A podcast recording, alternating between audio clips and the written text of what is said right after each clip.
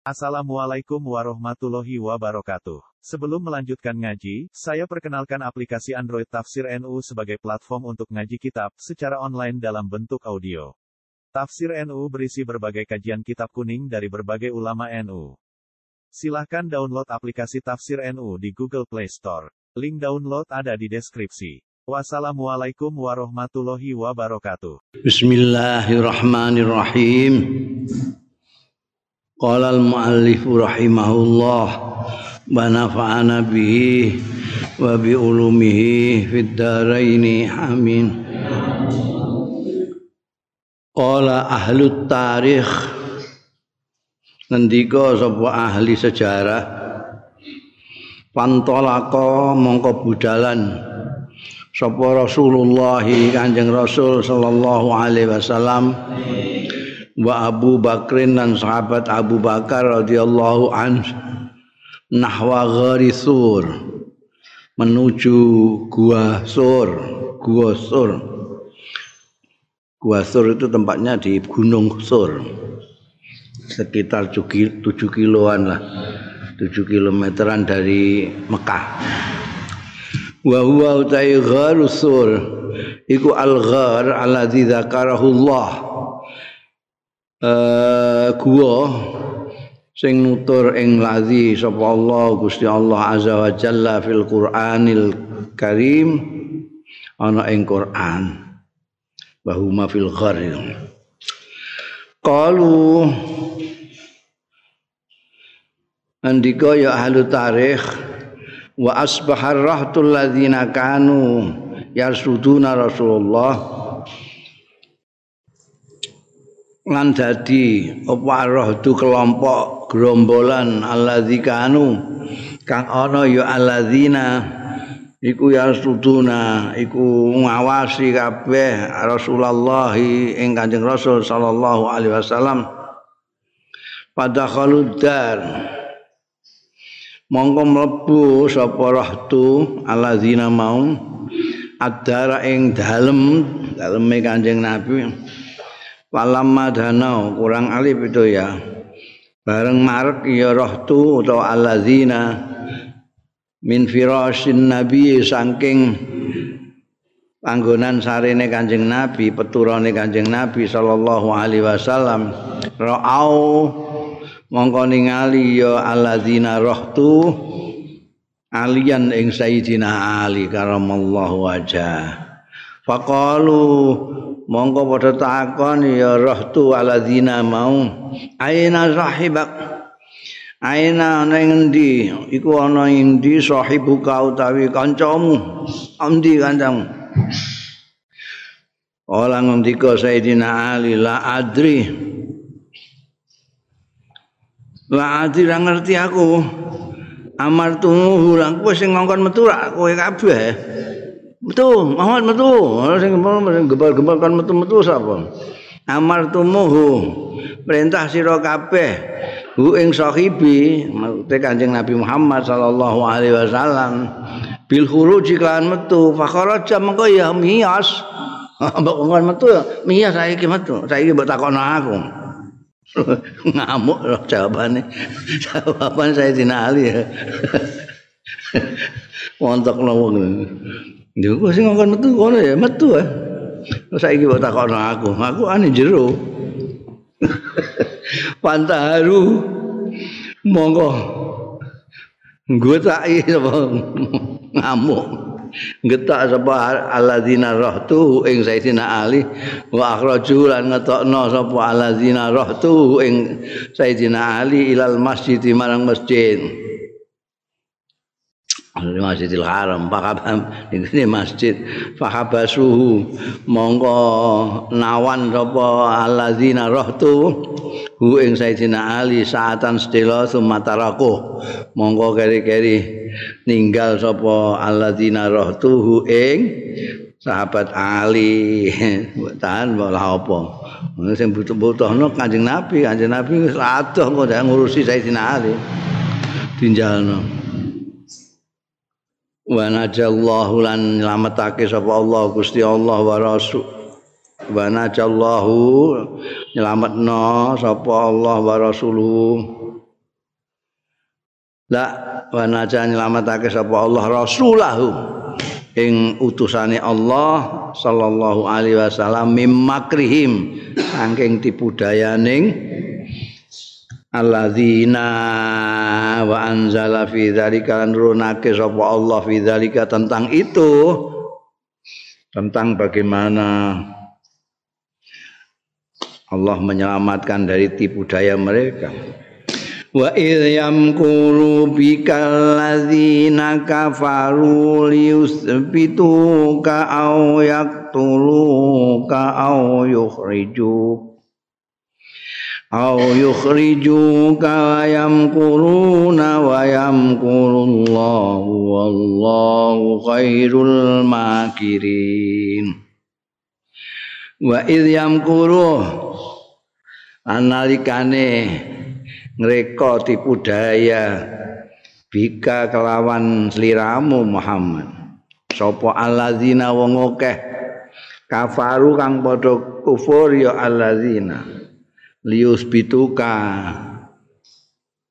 Arep yen to netepake sira atine njarno ae dimbarno ae. Netepake sapa alladzina ing sira?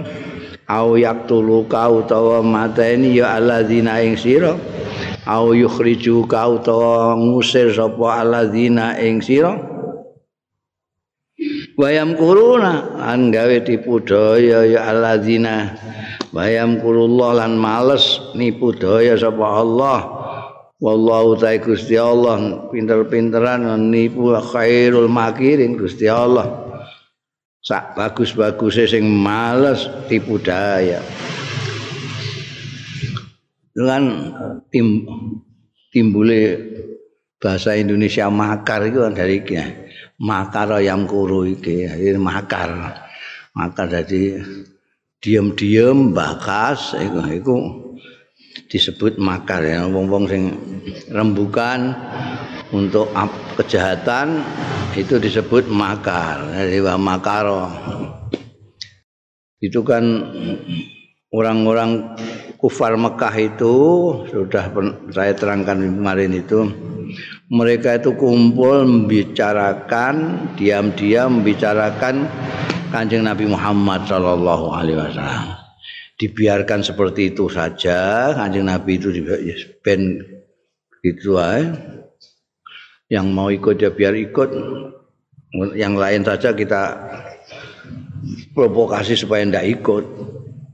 Atau kita bunuh saja timbangannya kakek pikiran mikir nanti ada yang katut kita keluarga kita yang katut kita pikiran lagi kata ini aja. Ono sing usul gitu. Karena rembutan rembukan wong akeh. Ono sing diusir aja diusir. Pokoknya ndak ganggu kita sudah. Pokoknya diusir. Mana kayak dia mau pergi kemana pokoknya diusir nah, ini akhirnya yang disepakati yang yaktuluka itu, yang membunuh itu. Mereka nek dinjalno kita gak kuat. Nah, sing muni gak kuat kita njalno ae.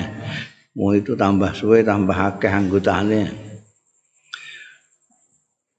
Nek ditokno, ditokno kok ini malah entuk bolo ke luar Mekah itu malah repot.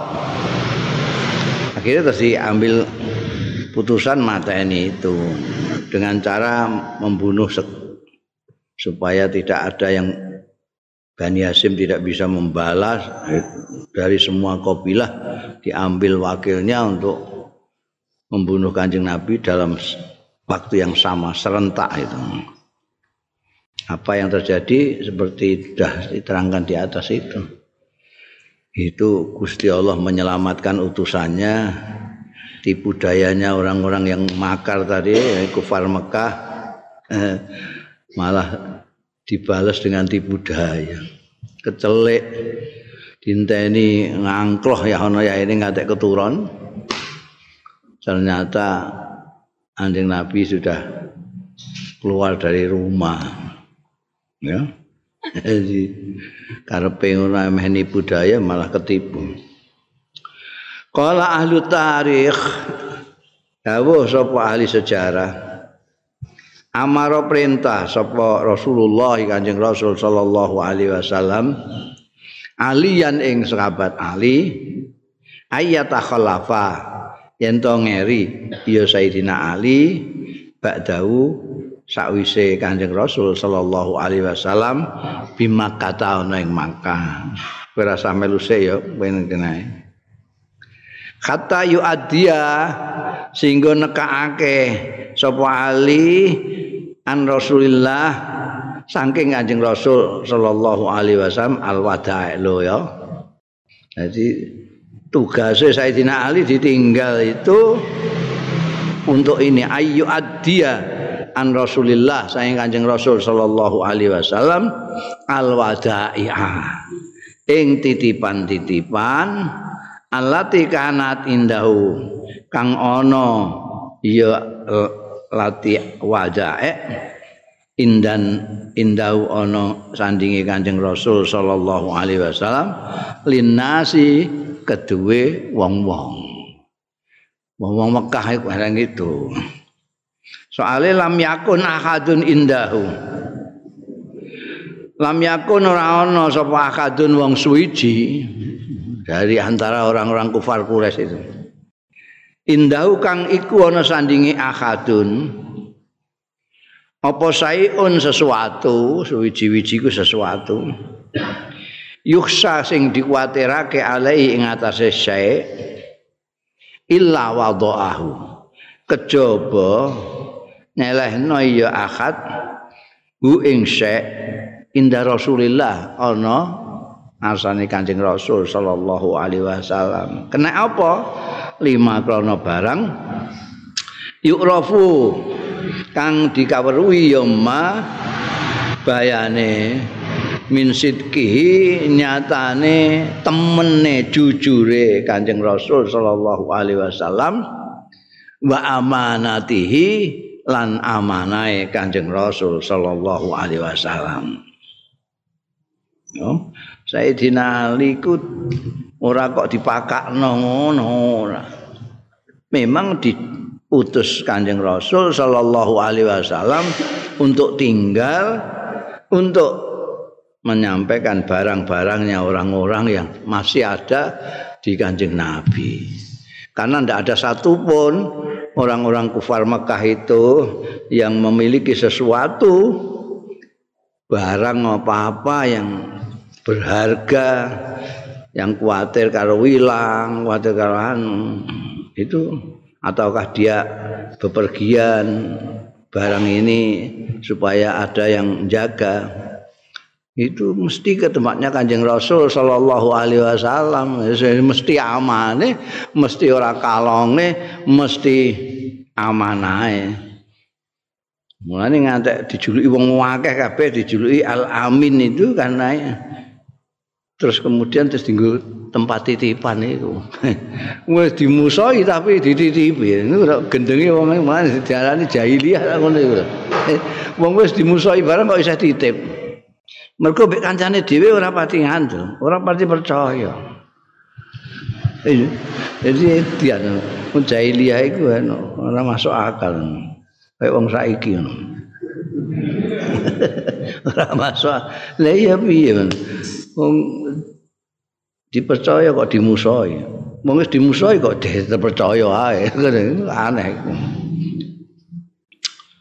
Kanjeng Nabi karena amanahnya jadi ini kalau ditinggal pergi bagaimana ini? Harus ada yang mewakili untuk menyampaikan kepada si empunya masing-masing iki mbek kanjeng Sayyidina Ali dawuhi iki wae fulan iki wae fulan iki wae noyo iki wae suto ana kabeh ya aja ngantek orang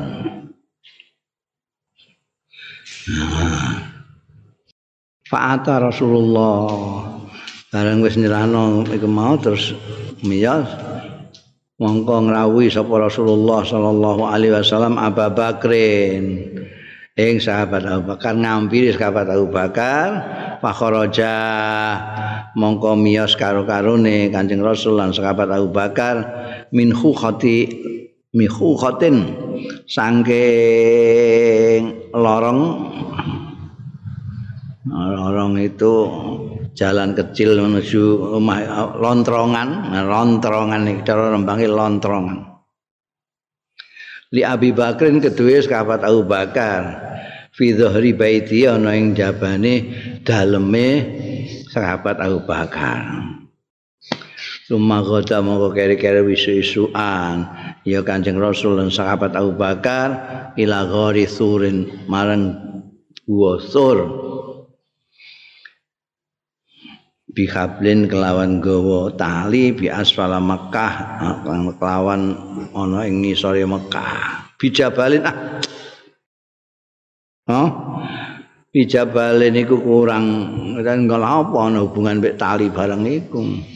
iki nuskah iki jan iki gawean Surabaya apa endi le iki marane curiga kene gak anu sik gak cocok ambek ngilmu nahwune wah iki salah cetak curiga terus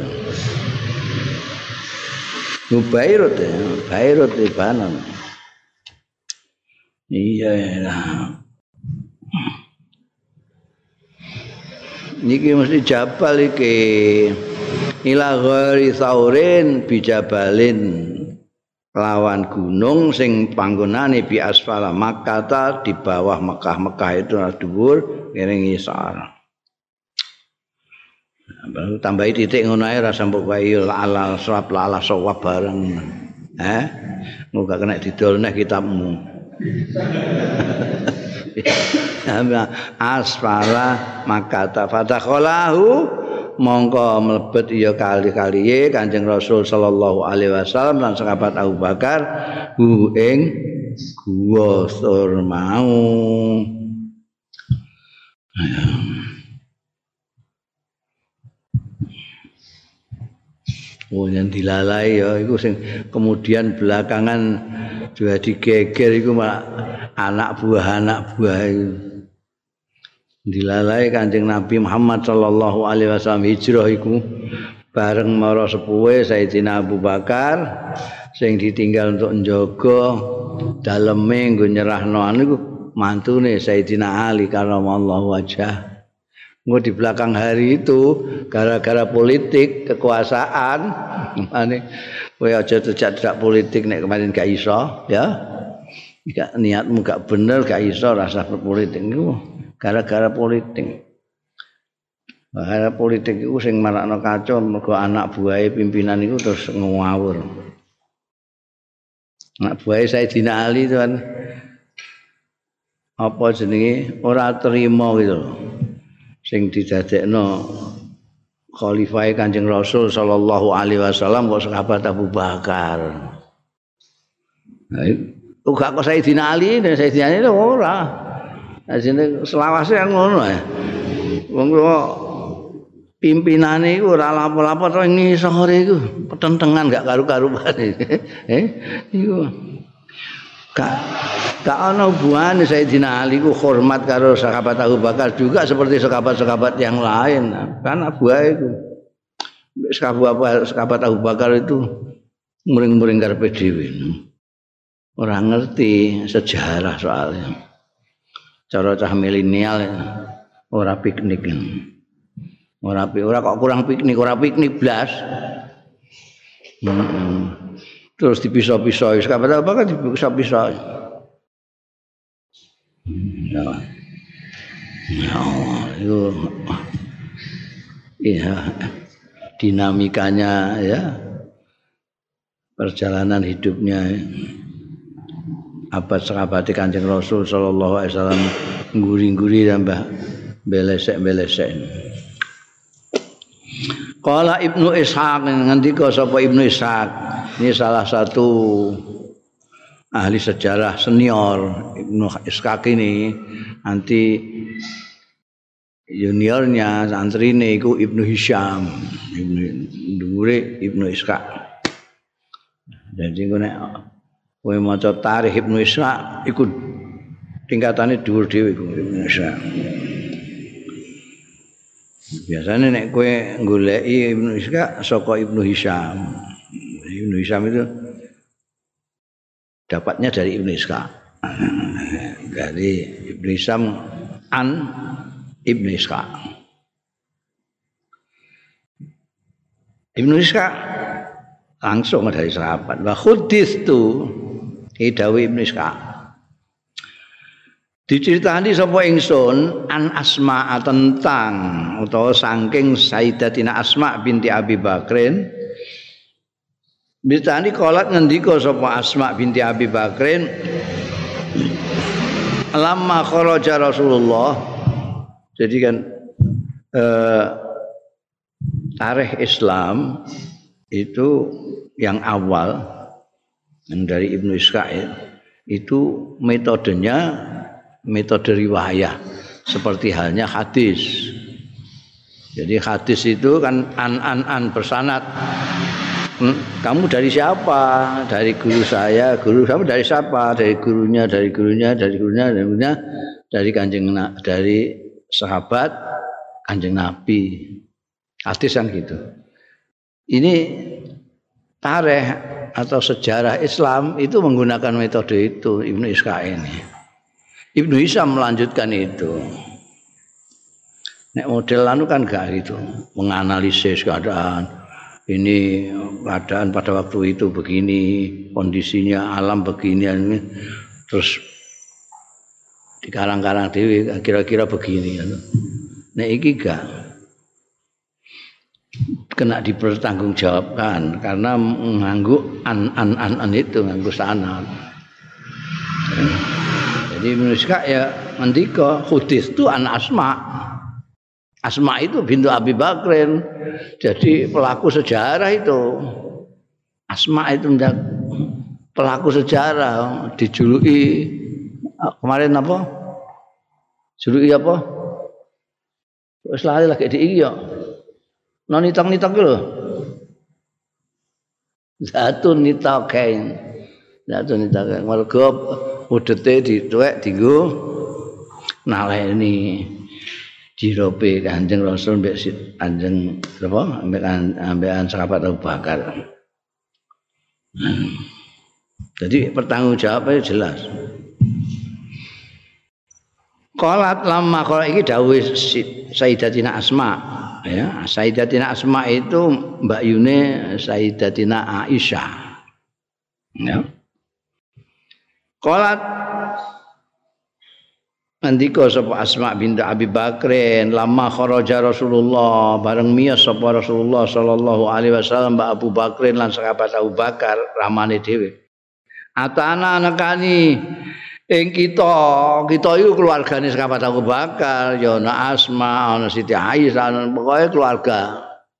Dalem lah. Sapa nafarun? Beberapa orang beberapa orang itu nek wong Arab nafar itu 1 sampai 9 lah kira Min Quraisyin saking Quraisy minhum minggu setengah saking nafar Abu Jahal bin Hisham Abu Jahal bin Hisham. Jenenge dhewe ketutup mbekan lakope kunyae Abu Jahal mergo dia ngerti dia pinter dia itu termasuk belasan orang yang melek huruf. Rata-rata orang anu termasuk kanjeng Nabi itu buta huruf. Dia termasuk yang melek huruf.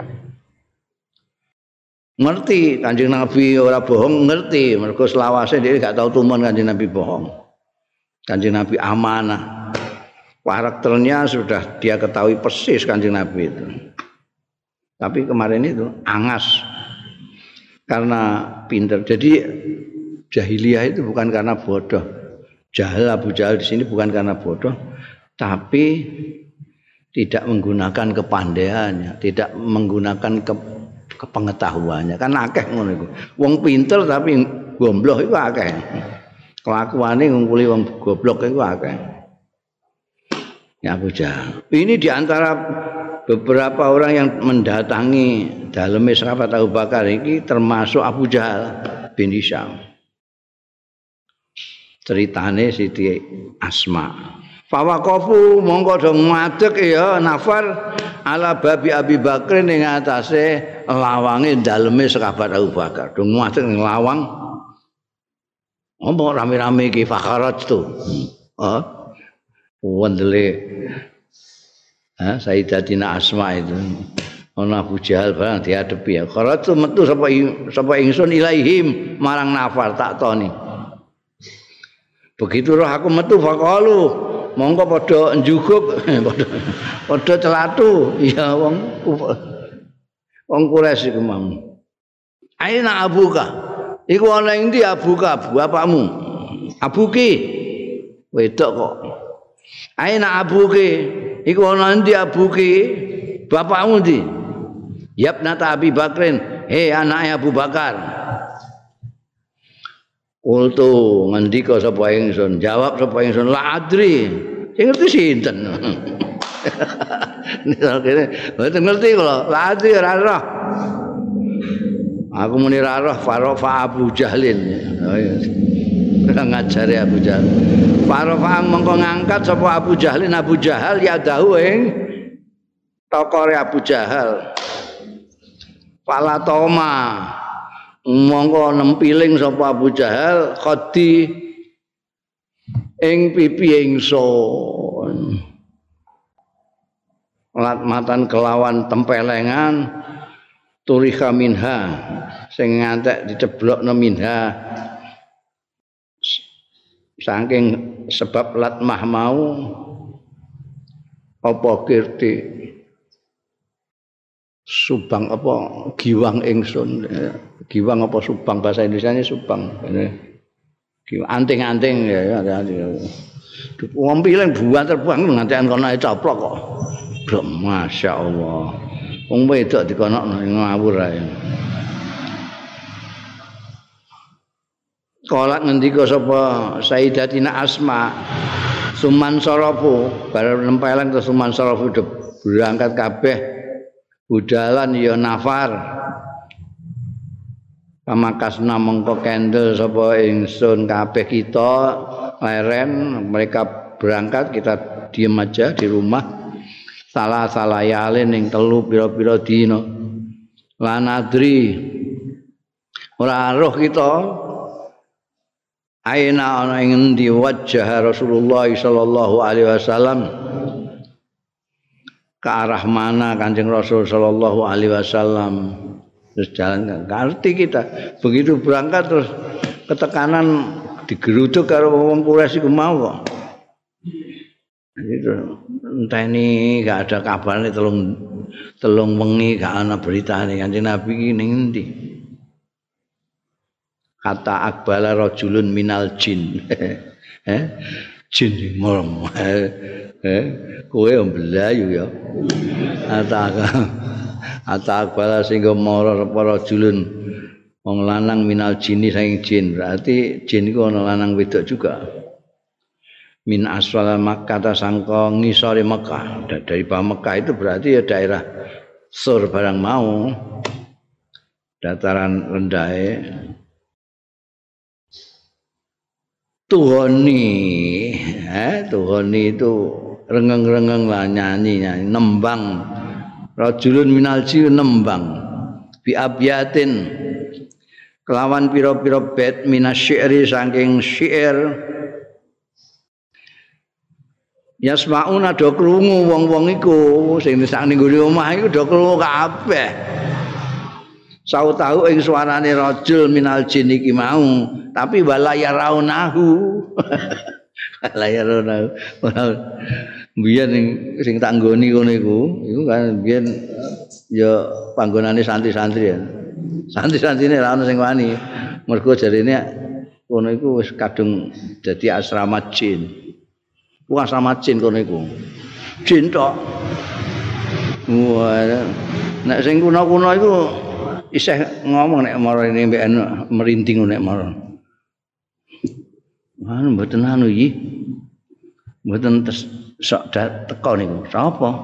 Niku sing penghuni mriki. Nah, ora wani aku. Yen niku.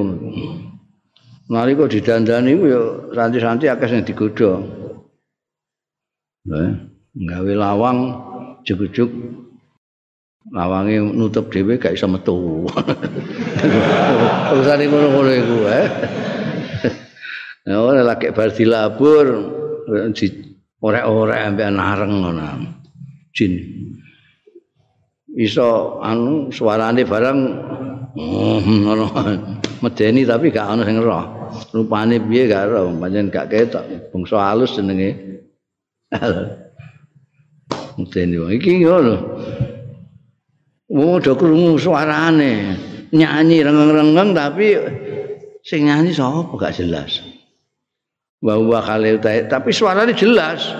Nganti iso ditulis ngene kok berarti jelas banget itu. andal bahwa aleutai rajul minal jin. Iku yaqulun tuh yugani tagonna mau ya macane ora tuwoni ya tagonna rengeng-rengeng tagonna bi abiyatin minasyairi bahwa yaqul jazallahu rabbun nasi khaira jazaihi. Rafiqaini qala khaymatai ummi ma'badi.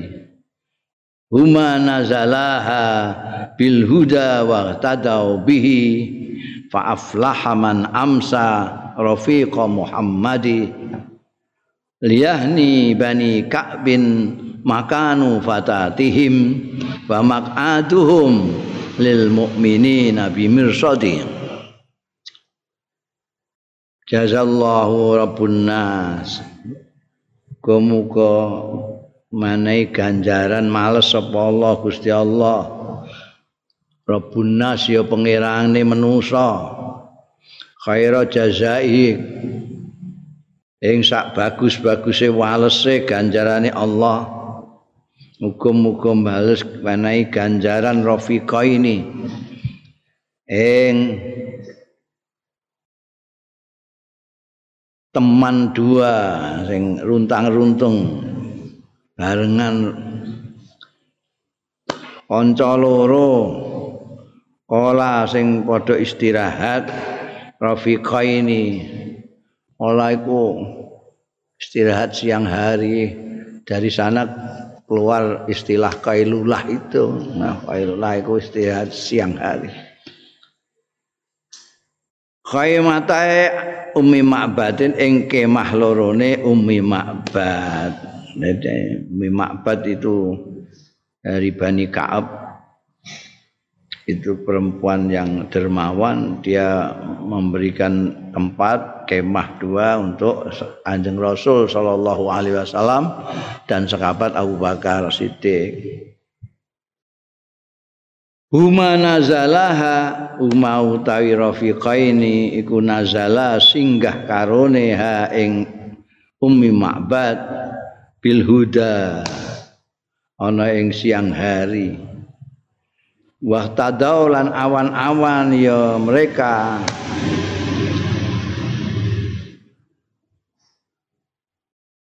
Bihi kelawan huda. Jadi huda itu maknane ana mbok maknani awan ya iso, maknane petunjuk ya ana. Yang biasa biasanya huda itu inna huda huda Allah, maknane petunjuk. Iki karek mbok maknani cocok endi? Huma nazalaha bil huda kelawan nek bil huda mbok maknani petunjuk ya kelawan gawa petunjuk. Huma nazalaha umurun singgah ana ing Ummi Ma'bad bil huda kelawan gawa hidayah Waqtadau bihi kira cocok pancen nganggo huda maknane petunjuk. Waqtadau lan isu-isuan apa rombongan mau bihi kelawan gawa huda mau. Mula fa'aflaha mongko bejo kemayangan sapa man wong amsa sing sore-sore ya man sore-sore iku rafiqa Muhammadin ngancani Kanjeng Nabi Muhammad sallallahu alaihi wasallam. Liyahni supaya memberikan selamat Bani Ka'bin ing Bani Ka'ab apa makan fatatihim panggonane gadis-gadise Bani Ka'ab wa maq'aduhum lan panggonan lenggahane Bani Ka'ab lil mukminina kanggo wong-wong mukmin imersoti ana ing tempat pengawasan iki suarane jin iku mau Jadi kancing Nabi Muhammad Sallallahu Alaihi Wasallam dalam perjalanan itu dikisahkan seperti yang direngeng-rengeng nombean uh, jin ini singgah di tempatnya Umi Ma'bad. Umi Ma'bad itu seorang perempuan dari Bani Kaab. Hmm. Beliau singgah di situ dengan rombongannya. Rombongannya jadi juga sahabat Abu Bakar itu. Itu ada kemarin itu Amir Amir bin Fuhaira, ah? Itu itu kan ikut juga. ya dianggap oleh jin ini mau itu kebanggaan untuk Bani Ka'ab itu disinggahi Kanjeng Rasul sallallahu alaihi wasallam yang membawa hidayah dari Allah, membawa Islam, membawa nur membawa cahaya kehidupan, membawa pedoman hidup. Qalat dawuh sapa Sayyidatina Asma. Jadi telung dino itu kita itu gelisah. Ini kemana ini arahnya?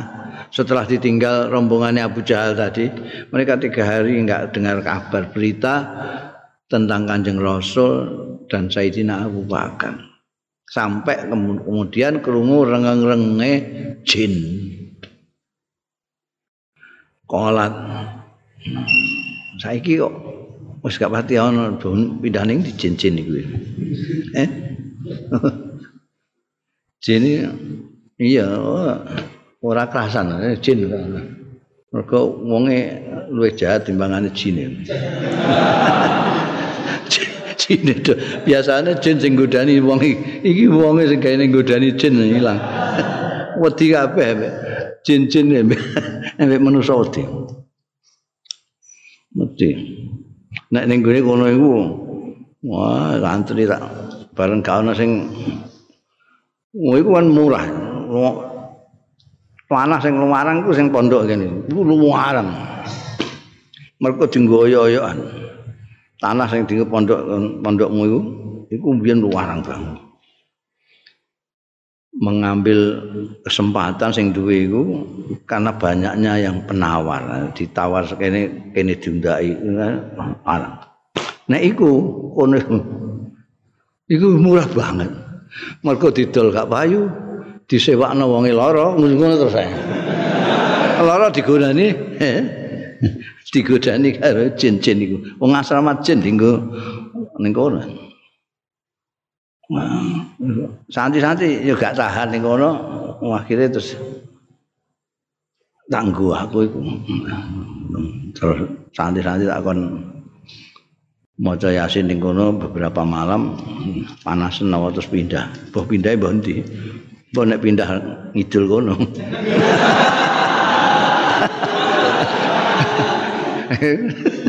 Iku ora apa, saiki wis gak ana wedi dene.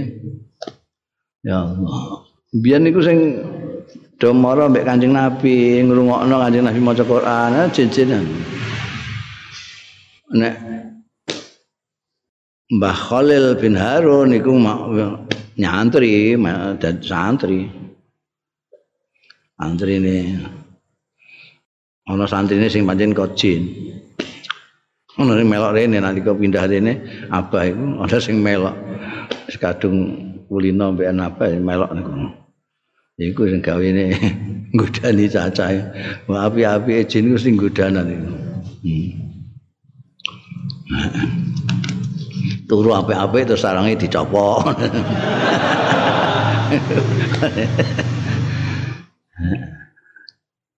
Falamma sami'na bareng rungu sapa kita, kita keluarga bareng mireng kaulahu ing ucapane rajul minal jin mau arafnahu. Mongko ngerti kita ing taujihu Rasulillah sallallahu alaihi wasallam. Mau gak ngerti kemana kanjeng Nabi ku. La nadri aina wajah Rasulullah sallallahu alaihi wasallam. Bareng krungu soane kita ngerti kita.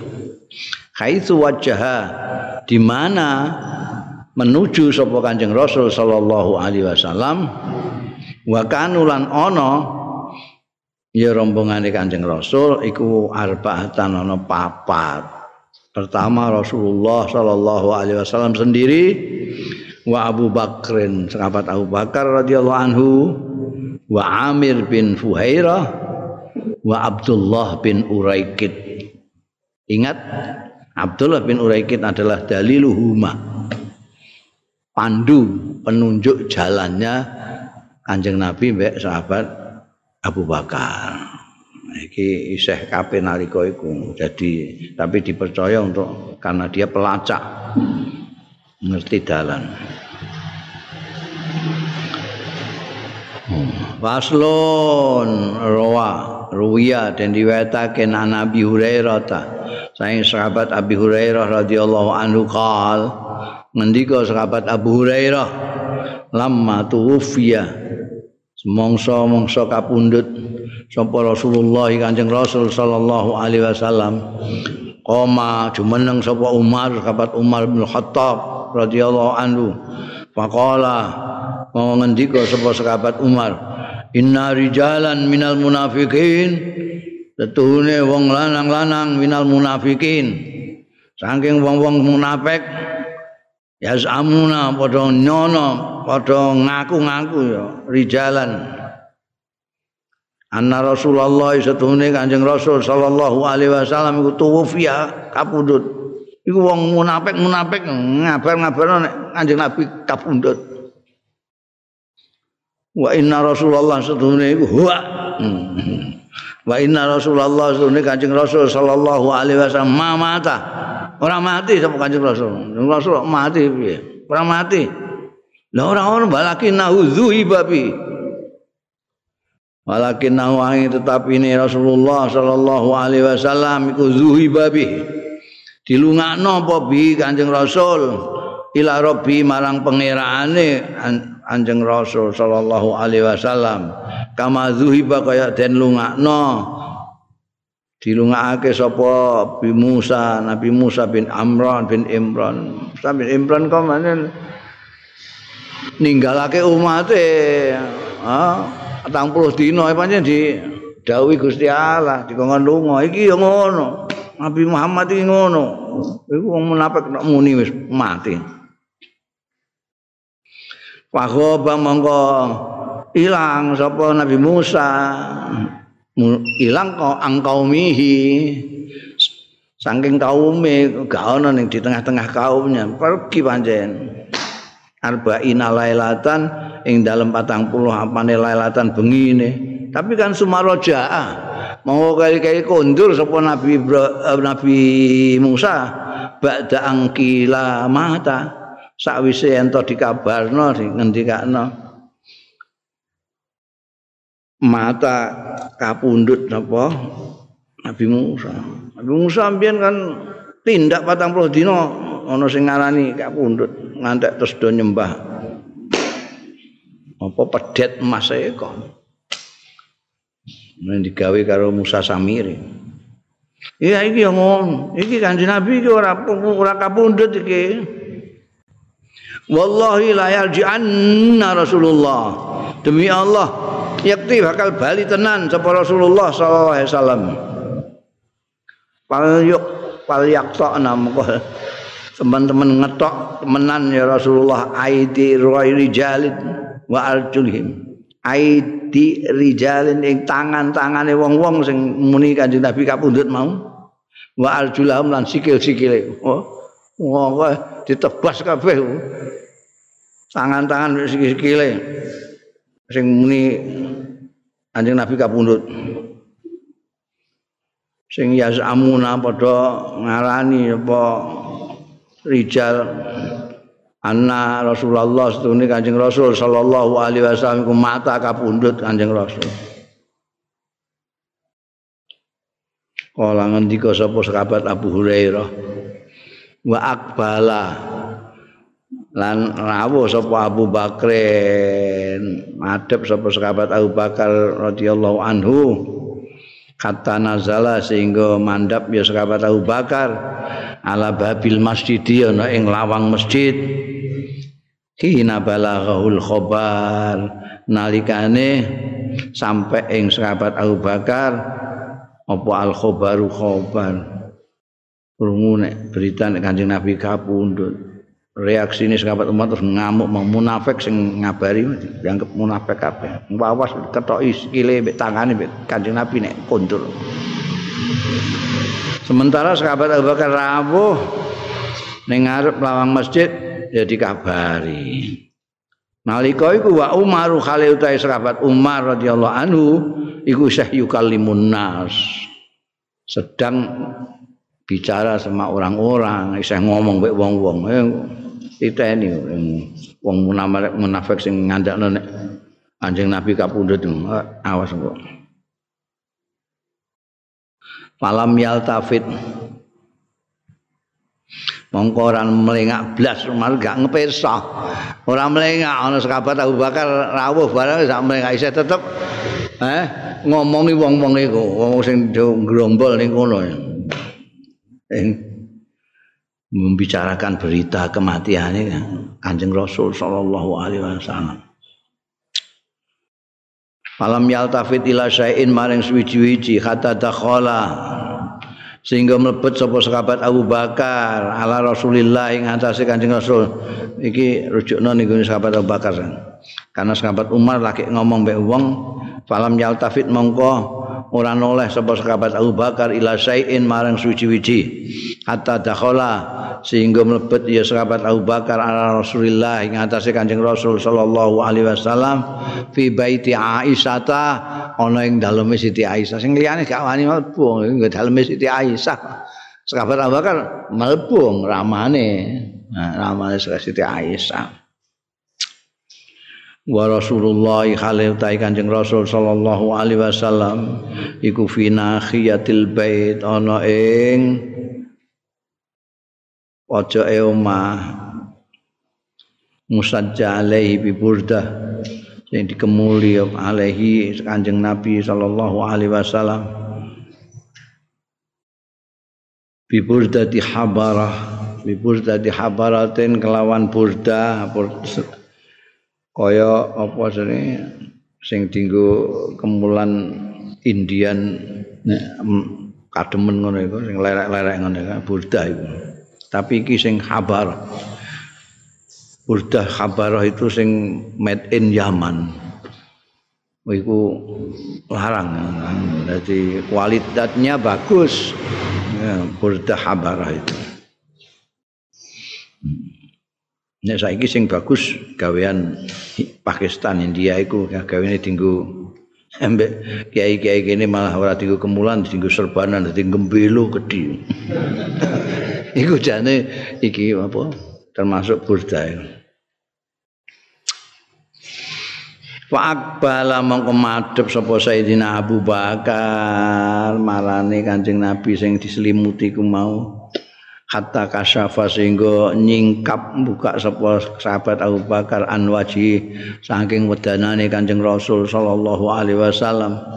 Summa akabba mongko kari-kari nungkepi sapa sahabat Abu Bakar alaihi ing atase Kanjeng Rasul sallallahu alaihi wasallam. Faqabbalahu mongko nyucup sapa sahabat Abu Bakar ing Kanjeng Rasul sallallahu alaihi wasallam. Diambungi dibuka ya. Sumakola mau keri-keri ngendika sapa sahabat Abu Bakar bi abi anta wa ummi demi bapak kula anta panjenengan wa ummi lan embok kula. Nengane sahabat Abu Bakar.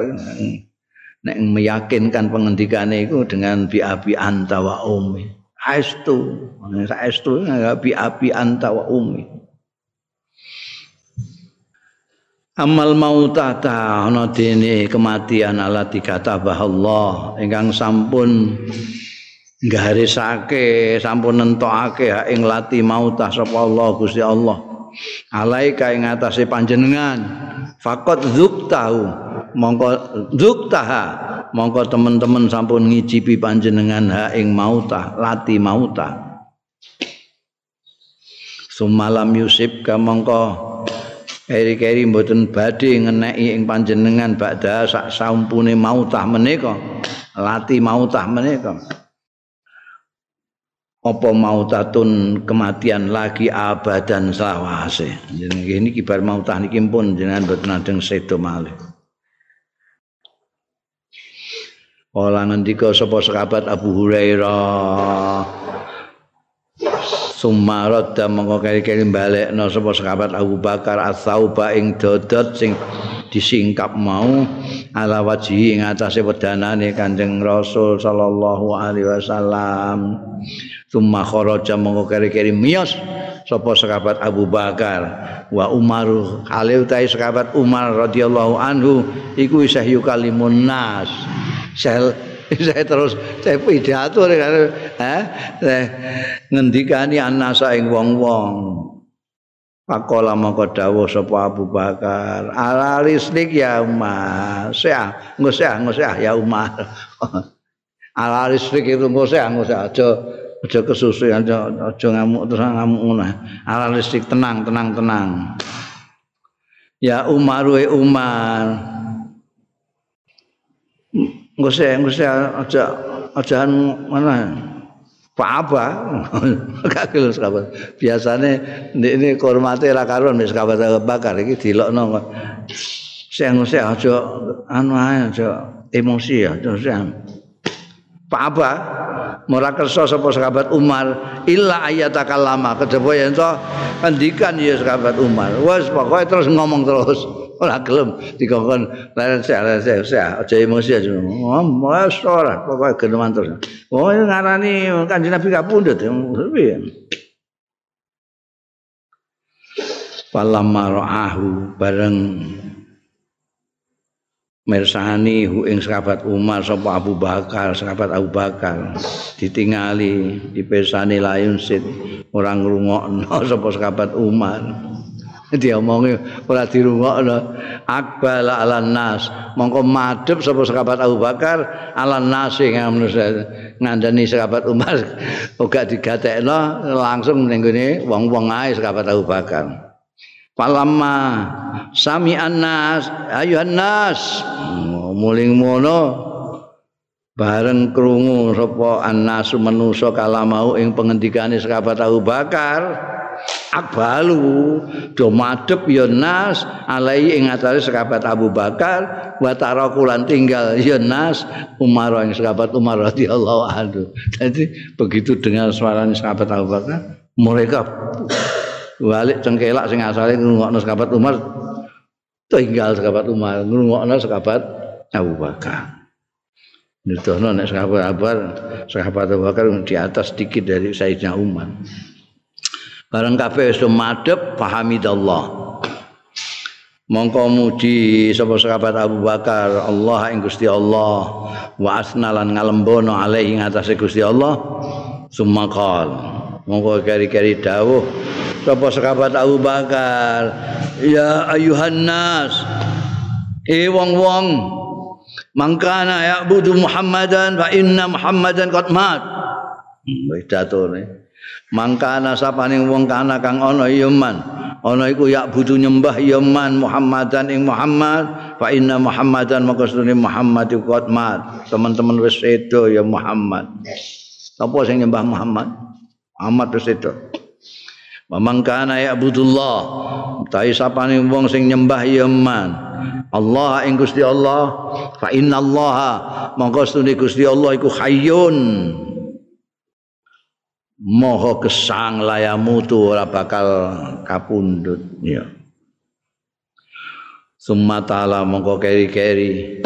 Mau sapa sahabat Abu Bakar? Hadhil ayat ing iki ayat. Wa ma muhammadun illa rasul. Qad halat min qabli rusul apa imma ta'au qutilan qalabtum ala aqabikum? Wa ma muhammadun ra'ana utai kanjeng nabi muhammad illa rasulun. Kejaba utusan. Qad kholat kang wis kliwat mim qabli saing sadurunge Anjing Nabi Muhammad. Sapa rusul utusan-utusan? Kanjeng Nabi itu penerus estafet saja. Dulu-dulu ada utusan-utusan Gusti Allah pirang-pirang. Kapundut genteni utusan neh kapundut genteni. Iki Kanjeng Nabi Muhammad sallallahu alaihi wasallam ya seperti itulah. apa imata mongko ana ta lamun kapundhut ya Muhammad au kutila utawa terbunuh ya Muhammad ing mongko balik sira kabeh ala aqabi ing atase tungkak-tungkak ira kabeh wis do murtad piye ila akhiril ayat diwaos kabeh Kala ngendika sapa sahabat Abu Hurairah, "Wa wallahi maka demi Allah, lakana lakaanan nas, kaya-kaya setune menusuk-menusuk kaget kabeh. Wong-wong sing kaget. Duh, iya iya ana ayat iki ya. Oh, gak ada seeling lagi sadar nek ana ayat iku. Ku hebate Abu Bakar. Begitu tenang, mentalnya kuat, emosi. Lah nek cinta-cintanan kan enggak ana sing ngungkuli cintane sahabat Abu Bakar terhadap Rasulullah sallallahu alaihi wasallam. Kemarin kisah dalam perjalanan segala macam itu kita tahu orang yang paling menyintai Rasulullah itu ya sahabat Abu Bakar. Tapi beliau bisa mengontrol emosi sehingga tidak menjadi lupa diri, tidak menjadi lupa ingatan, terus masih persis jernih pikirannya seheling ayat-ayat tentang kanjeng Nabi Muhammad Sallallahu Alaihi Wasallam. Sementara yang lain menurut apa iki fawallahi mongko demi Allah laka annan nas kaya-kaya setuhune wong-wong iku lam ya'lamu ora padha ngerti ya nas anna hadzil ayata. Setuhune iki ayat iku nazalat tumurun ala Rasulillah ing atase Kanjeng Rasul sallallahu alaihi wasallam. Hatta talaha sehingga maos ing hadil ayah sapa Abu Bakar sahabat Abu Bakar. Mereka ngerake ngerti maknane ngerti tafsire bareng diwaca sahabat Abu Bakar waktu itu wa yauma idzin talaha Abu Bakar yauma idzin alika dina iku. Wa akhadhahan nas an Abi Bakrin lan do ngalap ing ayat mau sapa anas wong-wong an Abi Bakrin sing sahabat Abu Bakar radhiyallahu anhu. Fa inna ma hiya mongko angin pestine hiya ya ayat iku fi afwahihim ing dalem ah tutuk-tutuke tutuk iku cangkem dong tutuk tutuk tutuke nas iki mau ora wah wah ning gone lambene iki ape nah do ngetukno sahabat Abu Bakar nama Muhammadun illa Rasulullah. Kaya kaya gak tau ora. Kala Abu Hurairah ngendika sapa sahabat Abu Hurairah? Kala Umar. Umar iki ini kan di antara nas iku ana Umar mau. Sing terus diklewet mek wong akeh. Mergo ana sahabat Abu Bakar ditinggalno iku mau. Ini menurut Abu Hurairah terusnya ini cerita kala ngendika sapa sahabat Umar? Wallahi monggo demi Allah ma huwa illa an sami'tu ora ana huwa. Ma huwa ora ana huwa ya kelakuan illa an sami'tu. Kejaba yen to krungu sapa ingsun Abu Bakrin ing sahabat Abu Bakar ya teluha maus ya Abu Bakar ha ing ayat. Fakartu mongko temenggengen sapa ingsun? Apa? Bahasa Indonesia ini temenggengen. Hmm. aku bahasa Indonesia tak jawaan tak kon jawaan ya ora iso. Saiki Jawa tak kon Indonesia nya ora iso. Terus piye kowe iku karepmu Eh, oh, cara Cina iso kowe. Aku cara Indonesia tak kon jawabno kowe gak iso. Saiki aku cara Jawa Indonesia. Temenggengen iku apa? Akar itu iku temenggengen. Hmm? Temenggengen itu terkesima. Terpesona. Oh. Terkesima. Kowe malah gak terkesima iku. Iku bahasa dhuwur iku. Kali aku kaya wong kaget-kaget piye ngono lho. Ana ayat ngono. Ora trimo ngono kata waqat ilal ardi. Sahabat Umar ngantek aku begitu kaget, begitu terkesima, begitu temenggengan kata wakok tuh.